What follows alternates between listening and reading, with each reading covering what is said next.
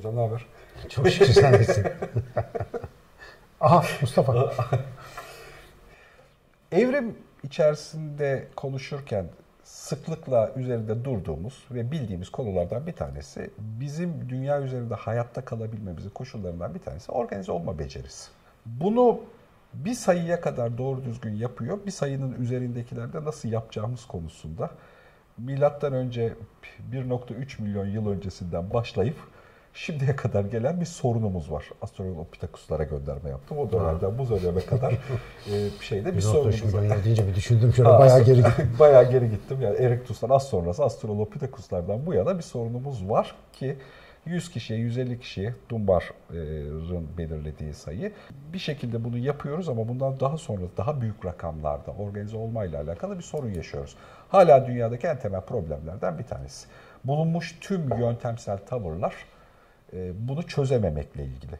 Çünkü arka tarafta bir hikayeye dönüşüyor mevzu.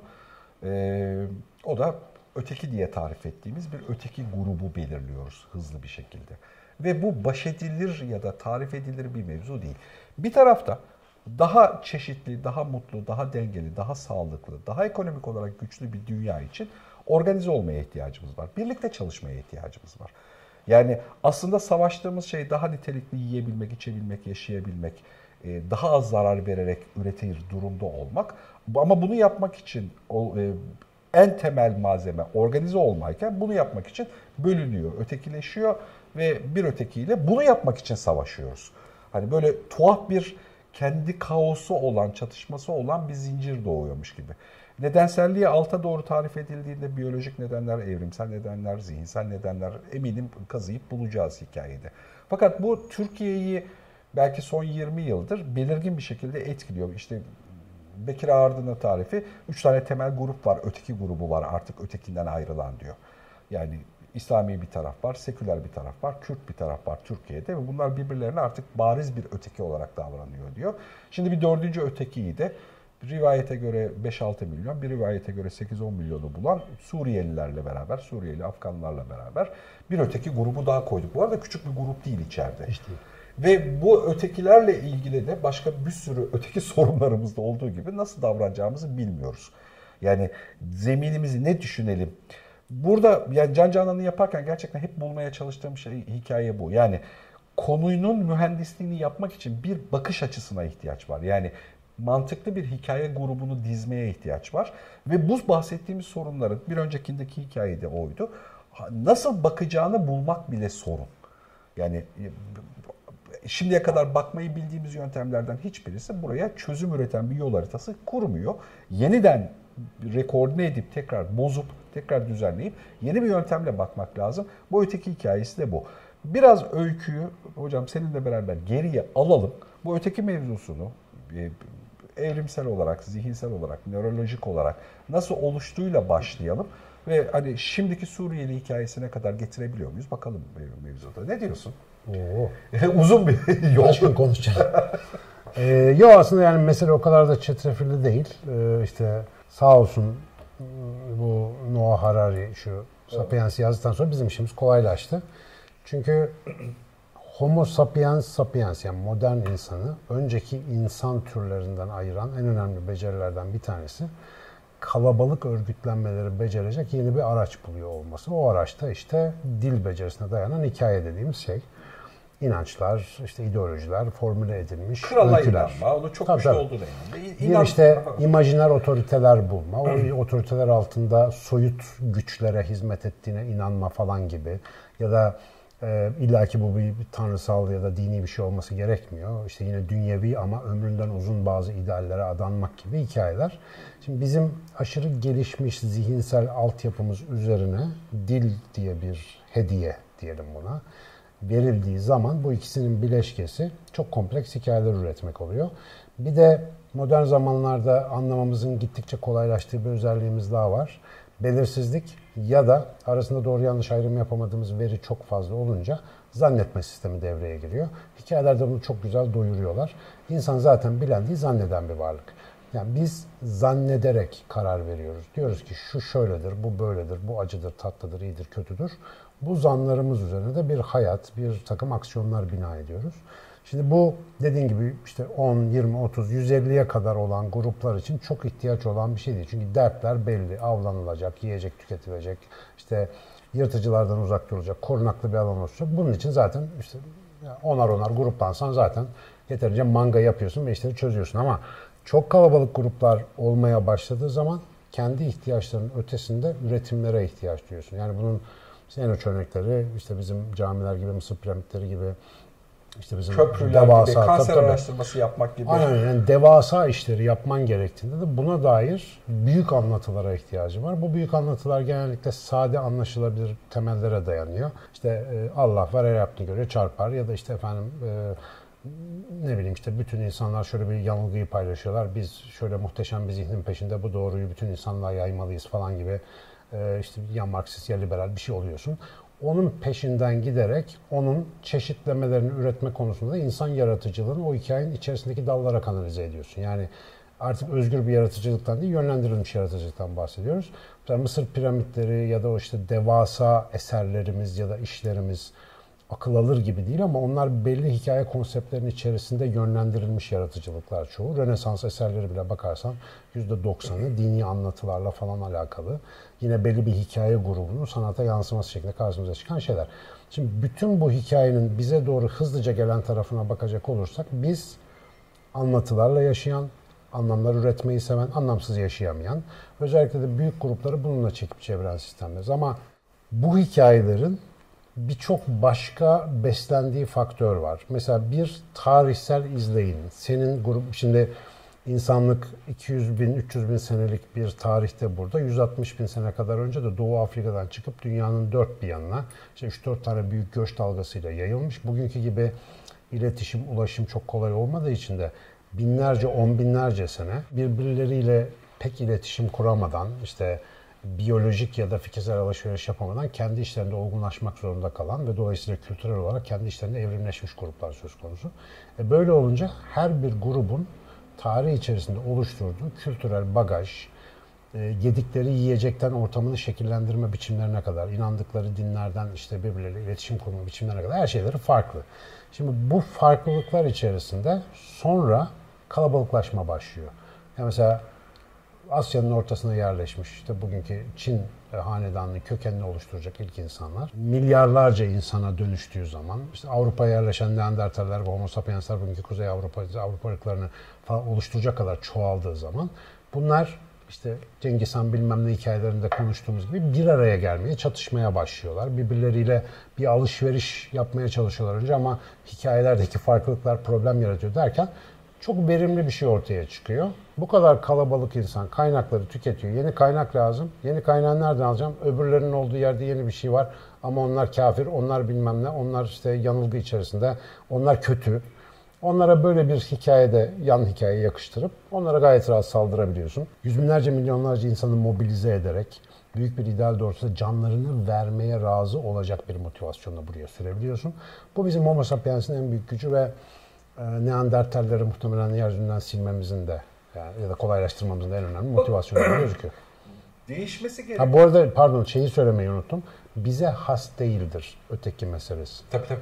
Her hayvanda yani aynı cinsten, aynı İşte türden bile diye, olsa boyalı karga diye tarif ettikleri Tabii tabii. mevzu. Aynı türden bile olsa kendi yaşam alanının dışından gelene karşı bir, bir şey yapma. Ya yani ona bir tehlike atfetme zaten doğal biyolojik dürtülerden bir tanesi. Ama bunun insan tarafı var. Onu biraz sonra konuşuruz. Yani bir de şey var. aklı- Yöntem olarak e, işgal, işgal ediyor olma hali. E, bu işte doğayı, toprakları, biriktirilmiş sermayeyi, bitkiyi, tahıllı, başka insanları, başka hayvanları işgal ediyor olma. E, bizim dünyadaki ana motivasyonlarımızdan bir tanesiymiş gibi görünüyor tarım devrimiyle beraber. Yani bir, bir tür burası benim ve bir işgal, işgal ruhu. Çünkü aşırı kaynak tüketiyorsun. Sıkıntı bu. Yani bu, bu kısmımız genellikle göz ardı ediliyor. Biz mesela açlığın ve yokluğun çocuğu olarak insanın fabrikalarını anlatmaya çalıştığımız öyle gözü doymaz bir şeyiz ki. Mesela ihtiyacımızı karşılamak yetmediği için biriktirmeyi, e, biriktirme eylemimiz var. Biriktirme eylemi gereğinden fazla enerji tüketme ve üretmeye sebep oluyor. Bu da etraftaki kaynağı çok hızlı tükettiği ve yine güvenlik nedeniyle çok fazla ürediğimiz için katlanarak artan bir etki ve bir süre sonra mütecaviz bir şeye dönüşüyoruz. Yani o böyle kıt kanaat yaşam falan ya, toplumlar tarafından kolaylıkla benimsenebilir bir şey olmadığı için. Şimdi burada ilk defa aslında 1900'ün başından itibaren bu kapitalizmin zemininde de olduğunu fark ediyorum. Bir değişim oldu bu işgal hikayesi e, mevzusuna. Çok o kalabalığız. da nasıl? Çok kalabalığız ya. Ha yani işte belli bir sınıra geldi ve öldürerek buna burada bir sona varmanın mümkün olmadığını hissetmeyle alakalı olabilir. Ya da bu doğal evrimsel, kültürel evrimsel bir davranış olabilir. Yani bir de coğrafi keşifler bitti. Yani o coğrafi keşifler diye çok yumuşattığımız bir şey. Coğrafi işgallerdi onlar aslında. Gidip Amerika bir işgaldi vesaire falan. Bu arada hala dünyada güçlü güçsüz ayrımını bu potansiyel yapıyor. Yani Amerika'nın güçlü oluyor olmasının zemininde Amerika'nın çok zeki insanlardan oluşması, potansiyel olarak olması bilmem ne yok. Kocaman bir coğrafyaya sıfırdan konan insanların o coğrafyanın tüm alt fırsatlarını düzgün bir şekilde değerlendiriyor olmasını getirisi. Uçakla inerken insanın aklı oynuyor ya Amerika ne kadar büyük bir yer. Ya. Ya. Tabii canım bir kıtanın bir bölümüne yani yani sıfırdan kondular. Yeni keşfedilmişti. Yani keşif işgale dönünce işte sonucu kendisi bu. Dünyada da başka keşfedilecek yer kalmadığı için e, aynı durağanlıkta devam etmek zorunda. Burada bir şey kondu yerine o da 1900'ler başı ya da 1800'lerin ortası gibi görünüyor. İşgal edecek yer bitince işgal etmenin mantığı ortadan kalkınca, altın işgal etmenin artık çok da bir anlamı olmadığını fark edince bu sefer e, bilimle alakalı olanı çoğaltmayla alakalı, bilim ekleyerek işin içerisinde verimliliği arttırmayla alakalı üretime dayalı bir yeni zincir. Abi tüket ki üretelim, ürettikçe birbirimizi öldürmeyelim, işgal etmemize gerek kalmasın. Aslında doğayı işgal etmeye devam edelim. Daha yüksek sömürüyle alalım doğadan falan. Esas yıkıcı işgal orada başlıyor. Evet aslında. yani o da yeni iklim krizine kadar giden bir hikayenin bir parçası olmamızı getiriyor mevzuda. Şimdi bu öteki de mesela bu işgal etme sınırının dışında yavaş yavaş teknik olarak dünyanın üçte birini şunu anladığını zannediyorum ya da fark ettiğini. Yani hani dünyadaki insanların birbirinden bir farkı yok. Hiç Yani zannetmiyorum bunu. Anlatmayı. üçte biri. İyimser bir Yok rakam. çok büyük abi ne yapıyorsun? 8 Yani- milyardan üçte biri bunu anlasa biz uçtuk. Yani Dünyanın yüzde yirmisi yani beşte biri bunu anlasa zaten sistem değişiyor parite kuralı gereği. ama Mümkün yani değil o hani kadar bu, bu anlaşılması o kadar zor bir şey değil ki. Azıcık yaşlanınca şöyle bir şey ola, ola Bak, gelen bir şey. Yani hani- Beni biliyorsun seni biliyorum. Senelerdir burada konuşuyoruz bak böyle muhabbet. Senle ben bile bunu içselleştirmiş değiliz. Kriz anındaki davranışlarımızda bunu görebilirsin. Yani insanların ortak bir bilmem ne işte özelliklere sahip olan kitabını yazıyorum ben. Yani çok böyle bir ne diyeyim fakr zaruret içerisinde bir savaş ortamında böyle işte aileme bilmem ne canına kastedilirken bu düşünceyi koruyabileceğime çok emin değilim. Şimdi bir Karadenizli olarak şey duygusunu biliyorum. O 150 kişiyle ilgili düşünme yöntemi farklı. Genel evrensel duyguyla alakalı düşünme yöntemi farklı. Yani o, onun duygusu da farklı, atakları da farklı. Ama mesela hani bu da teknik olarak bir karşılığı var. Ama normal masada konuşuyorken Entelektüel düzeyde okey haklısın. Ama Yani- davranış düzeyinde yok.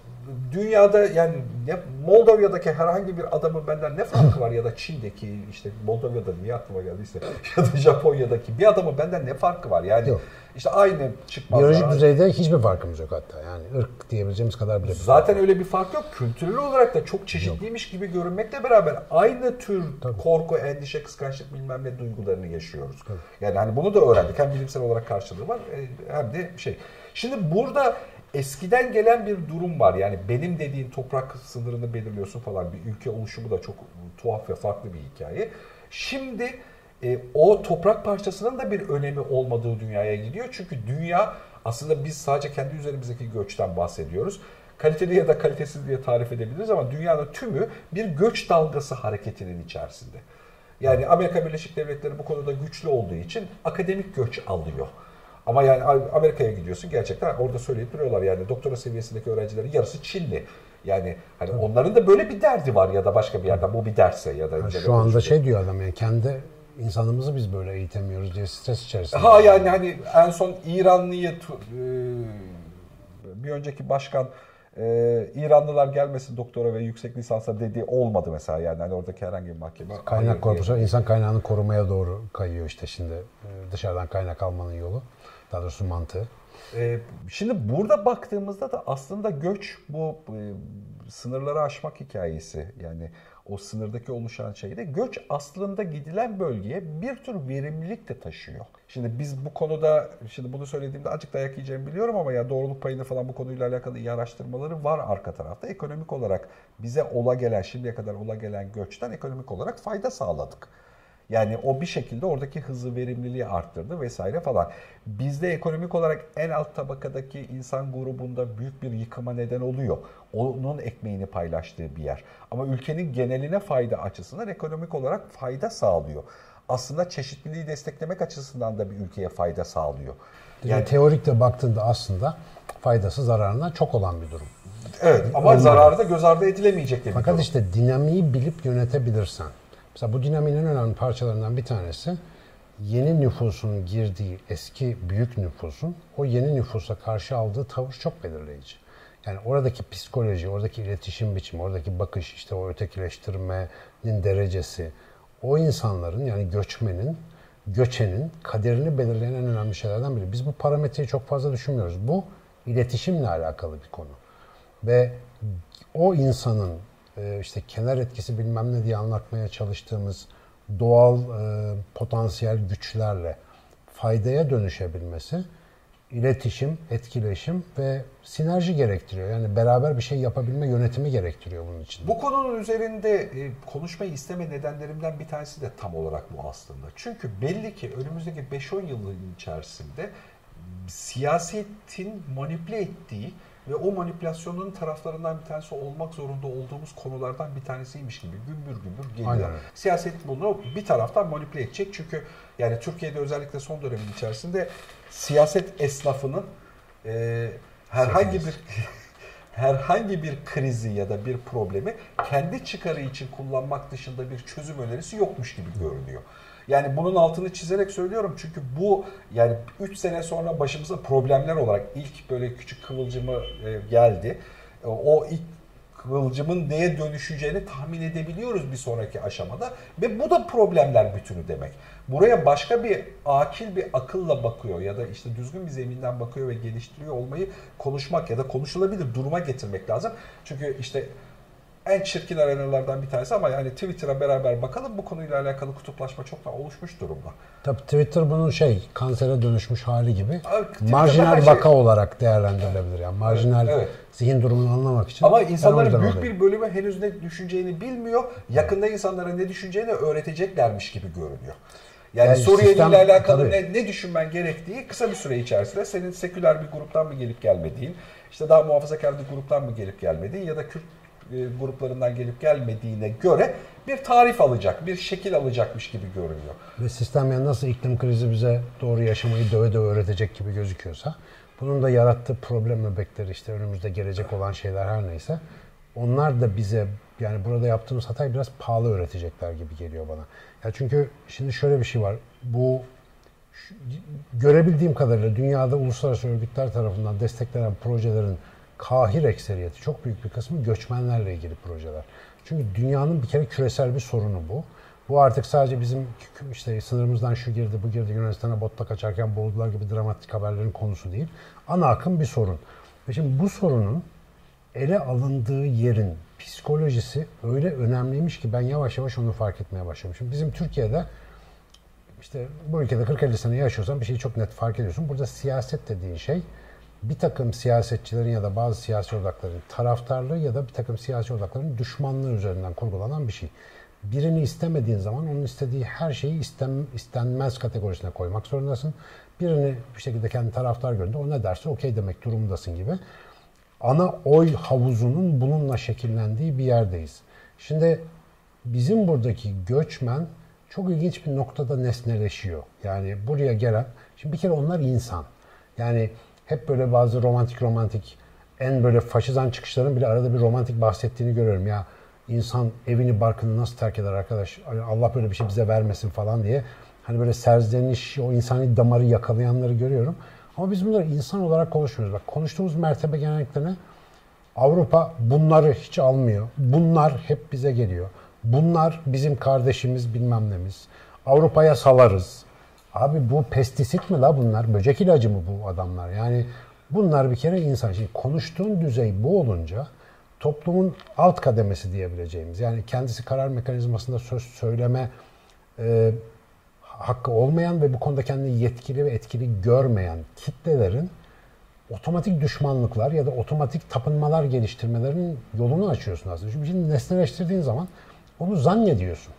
Onu, ona bir hikaye yapıştırıyorsun. Onunla alakası yok.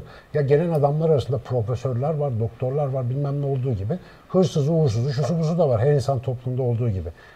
Onu e, bir insan toplu olarak görüp senin üniversite sınavında ya da insan kaynakları yönetiminde uygulaman gereken asgari yöntemleri burada uygulamaya e, kalkışmadığın bir sürece bu insanları zaten bir şeyle yönetemezsin ya da bir şeyle kullanamazsın bu insanları.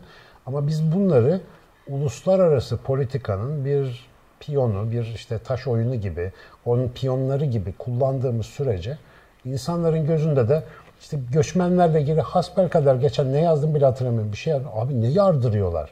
Çok ciddi bir enerji birikmiş orada mesela. Ödleri kopuyor insanların. Şimdi muhtemelen kötü bazı hadiseler oluyor ki bir kısmını ben de biliyorum. Yani işte dediğim gibi hırsız uğursuzu, kötü niyetli olanı var içlerinde. Fakat bir grup sırf bu haberleri öne çekmek, öbür grupta ya bunlar çok ponçik insanlar, hede hede işte onlarla ilgili romantik bir takım zanlar oluşturmak derdi. Böyle bir şey değil.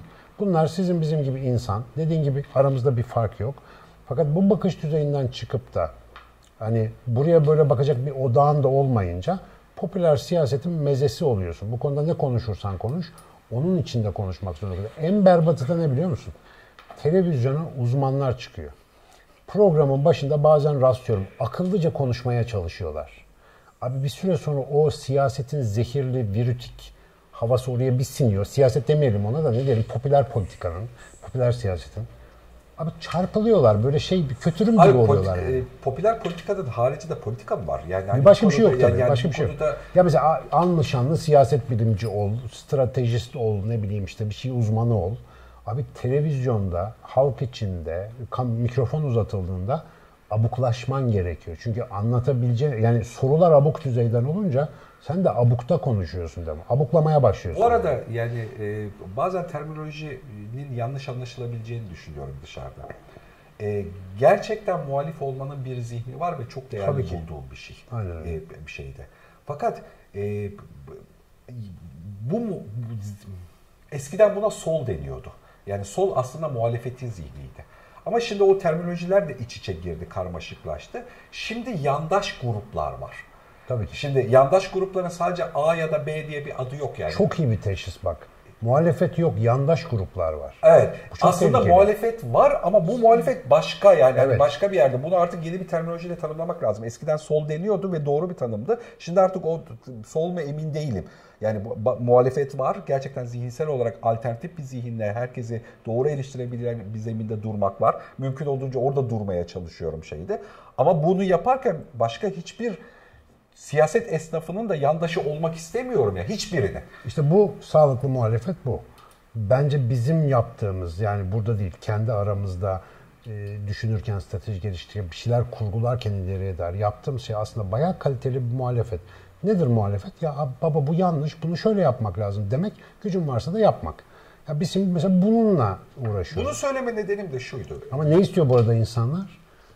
Sen diyor suya sabuna Necisin. dokunma. Necisin bir söyle. Yandaşının, ya yandaş etiketini görmek istiyor ki ona göre pozisyon alsın. İşte bizim sorunumuz o. Burada e, az önceki tanımlamayı şundan kaynaklı yaptım. Aslında konuştuğumuz konuların hemen hepsinin bizde sistemli bir geleneğin, sistemli bir sorgulama ve devamlılık geleneğinin oluşmamasıyla alakalı. Şimdi bir göç varsa ve göçmen dalgası varsa buna ait bir kültür ya da davranış görürsün. Göç dairen bununla alakalı şunları yapar. Eğitimle alakalı bunlar olur. Ekonomi dağılımdaki şunlar olur. İşte homojen dağılım mı planlanır, bölgesel yerleşim mi planlanır. Bununla alakalı bir stratejin olur. Bu strateji istinaden de konuşulur. Zihinsel olarak herkes bunu ya entelektüel olarak ya da sezgisel olarak bilir ve anlar. Ve bu enjeksiyonda yerleşir. Anlayış düzeylerine göre de basitleştirerek sunarsın bu Sunarsın bilgiyi. ve biçimlendirirsin ve hani böyle yürüdüğün bir şeye dönüşür. Ama böyle yürüdüğün bir şeye dönüştürmektense abi leğenle boşaltıyor. Bir, bir, bendeki his de bu. Toplumdaki herkesteki his de bu. Şimdi yani adamları leğenle buraya boşaltıyormuşsun ve nereye gidiyor? Çünkü sokaktaki his bu. Yani şimdi beraber bir çıkalım. Yani İstanbul'un herhangi bir sokağında yürüyelim. Gerçekten birçok Arapça konuşan insanla karşılaşıyorsun. Şimdi o insana karşı ne refleks vereceğini de bilmiyorsun. O adam sana ne refleks versin onu da bilmiyorsun. Ne umuyorsun ondan onu da bilmiyorsun. Yani hani nasıl yürüyeceğine kay bir ön hazırlığın yok, bir biçimi yok. Şimdi bu biçimsizlik birilerine seni manipüle etmesine muhteşem bir fırsat doğuruyor. Yani beni Abi de ben Fındıkzade'de şamşırdım ya. Fındıkzade'ye gittim ulan dedim pasaport yanımızda mı acaba? Başka ülke yani. Ve ben Fındıkzade'de kaldım bir sene falan kaldım orada yaşamışlığım var. O kadar marjinal değil ve dikkat et ben bu şehirde yaşıyorum. Oraya çok nadir gidiyorum tabii 3 senede bir. Ama bu şehirde yaşayan birinin böyle bir belirsizlik sillesi yemesi ki yani benim ne kadar umurumda düşün. Yani ben başka bir gündemle yaşayan bir adamım. Beni sarstı. Oradaki insanı düşün. Oradaki insanın etkilediği insan halkalarını düşün. Korkunç bir belirsizlik var yani. Bilmiyorum. Adam bana sorsa benim de diyecek bir şeyim yok. Abi güzel lokantalar iyi falan diyoruz yani ne diyelim yani. Ve bu arka tarafında bir sürü daha şimdiden e, yani bir kısmı gerçek bir kısmı komplo teorisine bağlı olan bir sürü hikayeli gruplarını barındırıyor. Ve buraya hazırlıksız olmak sadece bundan kötü etkilendiğimiz bir coğrafya olmak dışında başka bir kadere doğru gitmiyormuşuz gibi görünüyor. Maalesef. Önümüzdeki 10 yıl boyunca bundan kötü etkileneceğiz. Şimdi bundan kötü etkileneceğiz. Arka tarafta işte onlar ekonomimize biraz fayda sağlıyor ya da bilmem nerede bir şey oluyor başlığı altında. Bundan kötü etkileneceğiz. İyi bir durum değil. Bunu çözmekle yükümlüyüz. Yani bir şekilde bir mantıkla bu ve bunun gibi, müsilaj gibi, yangın gibi konumlara e, adabı, geleneği olan, sorun çözme becerisi olan bir tavırla bakmayı öğrenmekle yükümlüyüz. Konuyu çözmenin başka türlü bir sistemi yok ya. Yok. Belirsizlik zamanında korku yönlendiricidir. Popüler siyaset bunu çok sever. Ee, bir şeye yönlendirmek istediği zaman sana ortaya kontrollü bir korku, o belirsizlik ortamında seni strese sokacak ve atavi reflekslerini coşturacak bir şey koyar ve seni yönlendirir. Ama unutmamak gereken bir şey var. Daha büyük korkuyu yaratabilen daha iyi manipülasyon yapar. Global bir korku senin yerel hesaplarını her an devreden çıkarabilir. Bunun da basit bir çaresi var. Birkaç bin yıldır insanlık bunu biliyor aslında. İletişim. Mesela farklı düzeylere göre bilgilenmesini istediğin kitlelerin bilgi ihtiyacının nevini anlayarak, onların nasıl bir bilgi tüketicisi olduğunu fark ederek onlara içerikler ulaştırma. Ya mesela bu raporlar yayınlanıyor. Çok güzel o sivil toplum kuruluşları falan harika raporlar. Geçen gün bir tanesi geldi 135 sayfa. Ve gerçekten muhteşem rapor. Herhalde bir 20 sayfasını falan okuyabildim. Yani vaktim yoktu. Severim normalde rapor bakmayı. Fakat abi bu raporu bu topluluğun okuyabilmesi mümkün değil. Şimdi bazı televizyon kanalları bilmem neler eskiden bunu çok güzel yaparlardı. Mesela özet dosyalar hazırlarlardı. Şak şak şak rahmetli Mehmet Ali Birant falan bunu çok güzel beceren bir şey ekolcu. Tabii. Tabii. Yani mesela otururken televizyonda bir taraftan da o şeyi alırdın. O bilgiyi alırdın yani. Şimdi mesela bizimki gibi kurumlara kaldı bu iş ama biz de ben çok istiyorum böyle mesela Birleşmiş Milletler'in iklim raporu gibi falan filan şeyleri böyle spot, sosyal medya için falan filan farklı kanallar için özetleyelim.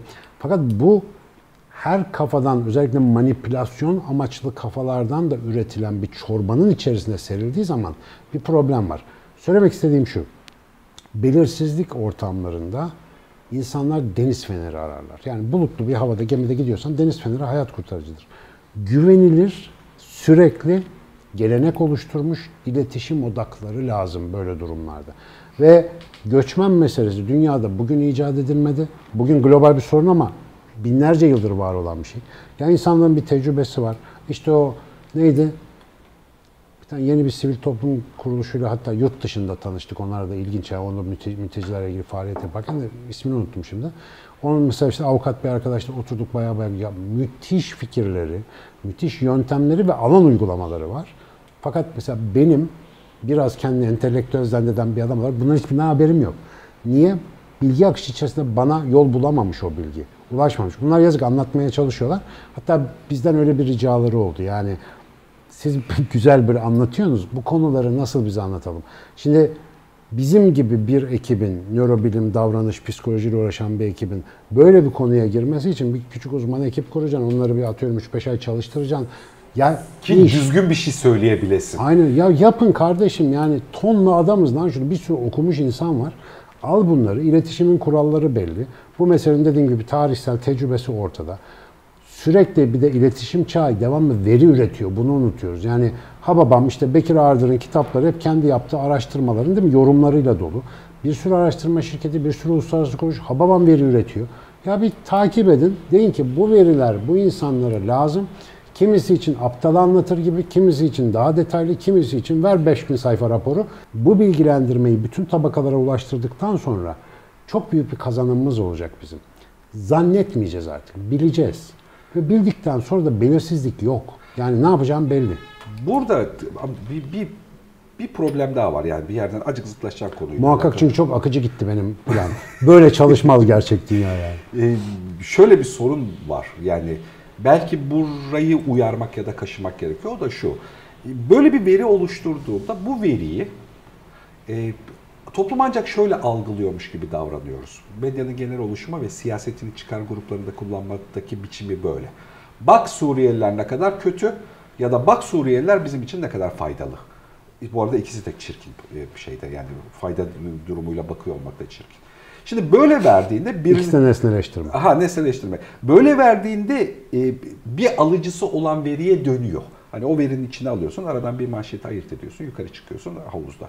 Böyle vermeyip de gerçekten ne oluyor, ben buraya ne yapacağım zihniyle bakma, toplumun tümüne yaygın bir şey olmak zorunda değil. Ama kendi alanı için kanaat önderliği yapacak insanın artık buna böyle bakmaya alışkanlık haline getirmesi gerekiyor. Ortalama bir insanı. Yani akademisyen olmak zorunda değil, işte şirket yöneticisi olmak zorunda değil, kanaat böyle önemli bir yerde kanaat önderi olmak zorunda değil. Sağlıklı zihindeki bir adam, ulan ben bu konuya nasıl bakacağıma o tuzaklara, duygusal tuzaklara düşmeden öncesinde biraz veriyle, o veri Google'da kolaylıkla ilk aramada, ilk sayfalarda çıkıyor. O verilere ulaşıp ne oluyor, nasıl davranılıyor, nasıl bakılması gerekiyor konuşmak lazım. Çünkü yani konuşulamayacak şeylerle konu kitleniyor. Bunları sürelim buradan. Ne? Yani hani bu mu? Ya bu yapılabilir bir şey mi teknik? O zaman öldüre. Bu konuşulabilir bir şey mi? Yani bir şeyde. Buraya sistem kurman gerekiyor. Ama sistem kurmak için sistem kurma evet. geleneği, bilgisi, bilinci oluşturman lazım. Kahvede ya da evde biralarken rahat konuşulabilir bir şey de. Bunu şimdi ortada konuşulur bir şey zannetmek de işte belirsizliğin evet. unsurlarından bir tanesi. Yani o kadar abuk bir ortam ki her şey gidermiş gibi geliyor. Bu arada bak biz aynı sınavdan çakma durumunu aşı konusunda yaşıyoruz şu anda. Ya bak şimdi çok havalı tabirler geziyor internette. Deneysel sıvı. İşte siz aşı gönüllüsü olmuşsunuz falan filan gibi. Bizim bilim kurulumuz var. Pandeminin ilk başlarından itibaren iyi performans verdi. Gayet güzel bilgilendirdi. Bizim gazımızı aldı. Tedbirlere uymamızda büyük oranda yardımcı oldu. Ama şimdi 3-5 tane aşı markası, bir sürü çelişkili haber, bir sürü ne amaçla orada olduğunu çok iyi bildiğim dezenformasyon odağı ki biz bunları daha bugün görmedik yani yıllardır görüyoruz. İşe yarıyorsa bozulur. Tabii ki. Ağzı bulaşık bir sürü tip. Hepsi aynı konu içinde bir çorba. E şimdi her zamankinden fazla güçlü bir bilim kurulunun yumruğu masaya vurup yani bilimsel anlamda kardeşim veri bu. Sen ne diyorsun? Her zıp zıp konuşan acık böyle sivrilen komplo teorisi odana kaçıp gel bakayım buraya. Şu veri burada deyip böyle tepesine vurup susturacağı bir konsensüs oluşturamadığımız için yani Türk gibi başlayıp da Türk gibi devam edemediğimiz için, o Türk gibi yayma olayına girdiğimiz için şu anda aşı konusunda kafalar 1500. %55 aşılanmışız galiba en son rakam oydu. Ve aşı meselesinin bu kadar hani biraz dünyayı acık bilen, biyoloji, viroloji falan kastetmiyorum. Yani dünyayı acık anlayan, Pastör ismini duymuş falan insanlar için ne kadar basit ve direkt bir çözüm yolu olduğunu dahi unutacak noktaya geldik. Ben kendimden şüpheye düşmeye başlıyorum ara ara böyle konularda. Mesela diyorum ki ya abi acaba bu kadar millet hani bir laf var ya milyonlarca sinek yanılıyor olamaz bok yiyin diye. Ya diyorum ya bunlar bu kadar konuşuyor sen ne diyorsun bu konuda bir uzman abi git manyak mısın diyor yani işte internet rahatlıyorum. Yani seni de etkiler, beni de etkiler. Çamur herkese bulaşır. Çeşitliliği anlamak, saygı duymak cepte. Bazen konuşmalarda bu çatışmayı özellikle getiriyorum masaya. Taliban konusunda bile aslında bu, bu zeminden. Yani çeşitliliği anlayalım. Bireysel olarak tariflerin hemen hepsinde kimseye karışamayız. Hiçbir cinsiyet ayrımına da karışamayacağım gibi hiçbir siyasal anlamda kendini tarif eden insana da bana zarar vermiyorsa, toplumsal bir zarar oluşturmuyorsa karışabileceğim bir şey değil, tarif edebileceğim bir şey değil. Bunları anlamak başka bir şey. Ama kamu faydası için ortak bilgi üretme, ortak bir şekilde davranma, organize olma başka bir şey. Burada ikinci bir aşama, ikinci bir pozisyonlanma başlıyor. Burada bilgiye güvenme, bu sorunda da oluşturan şey gerçekten böyle. Bunu böyle bir sürü siyasal komple teorisi cümlesinin içerisinde var ama gerçekliği böyle. Sen ülke olarak güven zeminini blok halinde sallayınca, yani kimse kimseye güvenemez duruma, işte belli öbeklerle parçalanmış duruma gelince E, o parçalanmışlıkların arasında bir de manipülatif üst medya bilgisi kullanınca işte bu, bu, hiç organize olamadığım bir hale geliyor. O yüzden konuşurken şeyi konuşuyoruz yani Suriyelilerle alakalı bizim sistematik gelenek kurabilecek bir yapıya, yangınla alakalı bizim sistematik gelenek kurabilecek bir yapıya, müsilajla alakalı bizim, pandemiyle alakalı bizim, sellerle alakalı bizim devamlılık barındıran bir sene sonra tekrar ey eyvah o öyle yapılmalı, siyaseten bu böyle yaptı, bu da böyle yapıyor diye konuşmadığımız, sorgulayabildiğimiz, devamlı görebildiğimiz bir gelenekle sorgulayacak bir yapıya dönüştürmemiz gerekiyor. Bir hissiyatım daha var. Biraz önce bir şey çizdin ya bana zarar vermekten, benim alıma girmedikten sonra farklı inanan, farklı düşünen. Buna saygı göstermek, bunun varlığını onamak, onunla beraber yaşama iradesi insanlığın zaten asgari müşteriyi. Bunun olması lazım. Ama benim şöyle bir hissiyatım var. Özellikle bu noktadan sonra insan toplumu bu kadar kalabalıklaştığı bir vasatta kültürel olarak farklı olandan öğrenme iştiyakını yerleştiremedikçe, yani yükselme arzusunu kültürün temeline oturtturamadıkça ve bunu okulumuzda, sanatımızda, müsameremizde, işte televizyon programımızda, orada burada promosyonunu yapamadıkça, toplumda yerleştiremedikçe bunu aşamayacağız biz. Çünkü zaten bir başkasına saygı göstermediğinde ya ölüyorsun ya öldürüyorsun. O saygı göstermek zaten mecburi bir şey. Anlatabiliyor muyum? Bu kadar kalabalıkta başka şansın yok.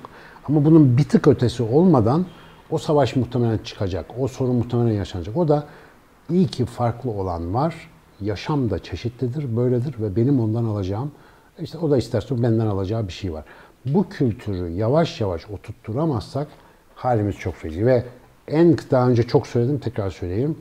En kısa süre dünyada kalan insan türü biz olacağız. 50 bin seneyi tamamlayamadan terki diyar edeceğiz gibi gözüküyor. Homo erectus 1,5 milyon yıl buradaydı.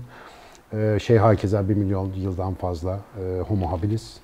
Efendim Neandertaller 500 bin yıl falan buralarda gözüküyorlar. Biz 50-60 bin yılla temiz havale aldık. E, Dursun Ali'nin e, Dursun Ali yazın para kitabında da içindeki en sevdiğim kaşıyıcı bölümlerden bir tanesi. Hepimizin ana motivasyonlarından bir tanesi ekonomik anlamda güçlenmek, para kazanmakla alakalı. Bunun da ana koşulu buradan başlıyor. Yani fikri anlamda birçok çeşitliliği aynı arena içerisinde, aynı ekoloji içerisinde tutmazsan ekonomik olarak iyi hale gelemiyorsun. Bu bilimsel. Yani hani bu ölçülmüş. Bilimsel, tecrübi, vicdani, insani, Evet, evet. akli yani her açıdan. Bu keyfi değil. Yani e, koşulları sınırladığında, çeşitliliği öldürdüğünde, fikri çeşitliliği öldürdüğünde fakirleşiyorsun. Bu bağ belli bir bağ yani hani birlikte yürüyen bir bağ. Bunu yani bu sadece hani şeyle ilgili değil. Hobi olsun, kendimizi iyi hissedelim, daha iyi bir motivasyon, daha iyi bir sosyal dünya ile alakalı bir durum değil. Bayağı parayla ilgili, yaşamla ilgili yani yeme içme barınmayla alakalı bir hikayede bir unsur. Yani bizzat sana, bizzat sana ona söylüyorum. Ötekin varsa yıkıyorsun. Ötekin varsa dünyayı daha kötü bir yer yapıyorsun. Evde oturarak bile bunu yapıyorsun. İstersen vergini öde, istersen çöpünü ayrıştır, istersen diş ipi kullan. Hiç fark etmez. Ötekin varsa kötüsün. Bitti.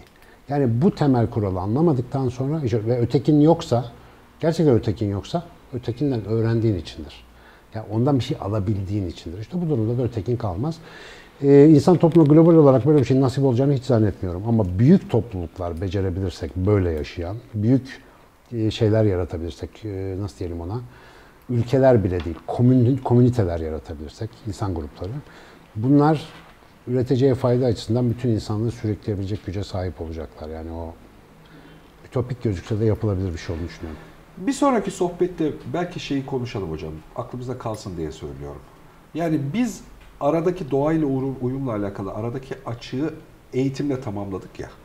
Lamaya çalışıyoruz ya. En azından belli bir bölümde bu, bu ana çabamız bu. Eğitimde vardığımız bir yer, öğrenebileceğimiz bir halin kendisi.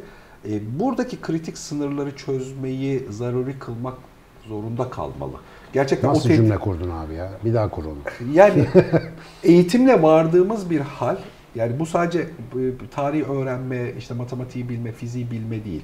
Anlamayla alakalı varılan bir yeri tetiklemeli ki. Anlamsal bütünlük. Evet. Yani o ötekiyle ilgili kurduğumuz kavramları dünyada e, organize olmanın ötekiyle savaşmaktan daha karlı olduğunu fark etmenin, gibi başka ya da çeşitliliği desteklemenin iyi olma halini desteklediğin gibi başka bir anlamsal bağ atak yapmalı ya da oraya oluşturmalı. Çünkü biz bunu biyolojik olarak evrimleşmeyeceğiz belli. Yani bunu ancak eğitimle evrimleştirebileceğimiz, kültürel evrimimizle yapabileceğimiz bir şeymiş gibi görünüyor. Yani hiçbir siyasal sistem dünyada böyle bu arada çözüm üretmiyor, kalabalıkları yönetmiyor, yetmiyor. Hiçbir siyasal sistem yani tüm demokratik formlar da dahil olmak üzere yetmiyor yani hani dünya kendi içinde tuhaf aldı verdileriyle devam ediyor. Ya da hiçbir ekonomik sistem sistem yapıyı yürütmüyor. Halbuki bunlar Aklıma bir şey geldi. Ya bu dediğin konuyu bence en iyi anlatan, yani sonuçlarını en güzel anlatan 10 sezon ama Walking Dead. Vallahi izleyin. Yani zombi gibi yatsınamaz bir tehlikede, yani bütün dünyayı kaplayan bir zombi salgınında yine en büyük tehlikenin insanlar arası ihtilaf ve ötekileştirme olduğunu çok güzel anlıyorsunuz. 10 sezon tamamen bunun üzerine. Ve gerçekten aslında tehlikeler açısından insana insan e, nezdinden bakarsan zombi işgal altında bir dünyadayız. Her şey düşman. Ama biz kendimizle uğraştıkça işte kendimizi bitiriyoruz maalesef. Walking Dead. Tebrik ediyorum.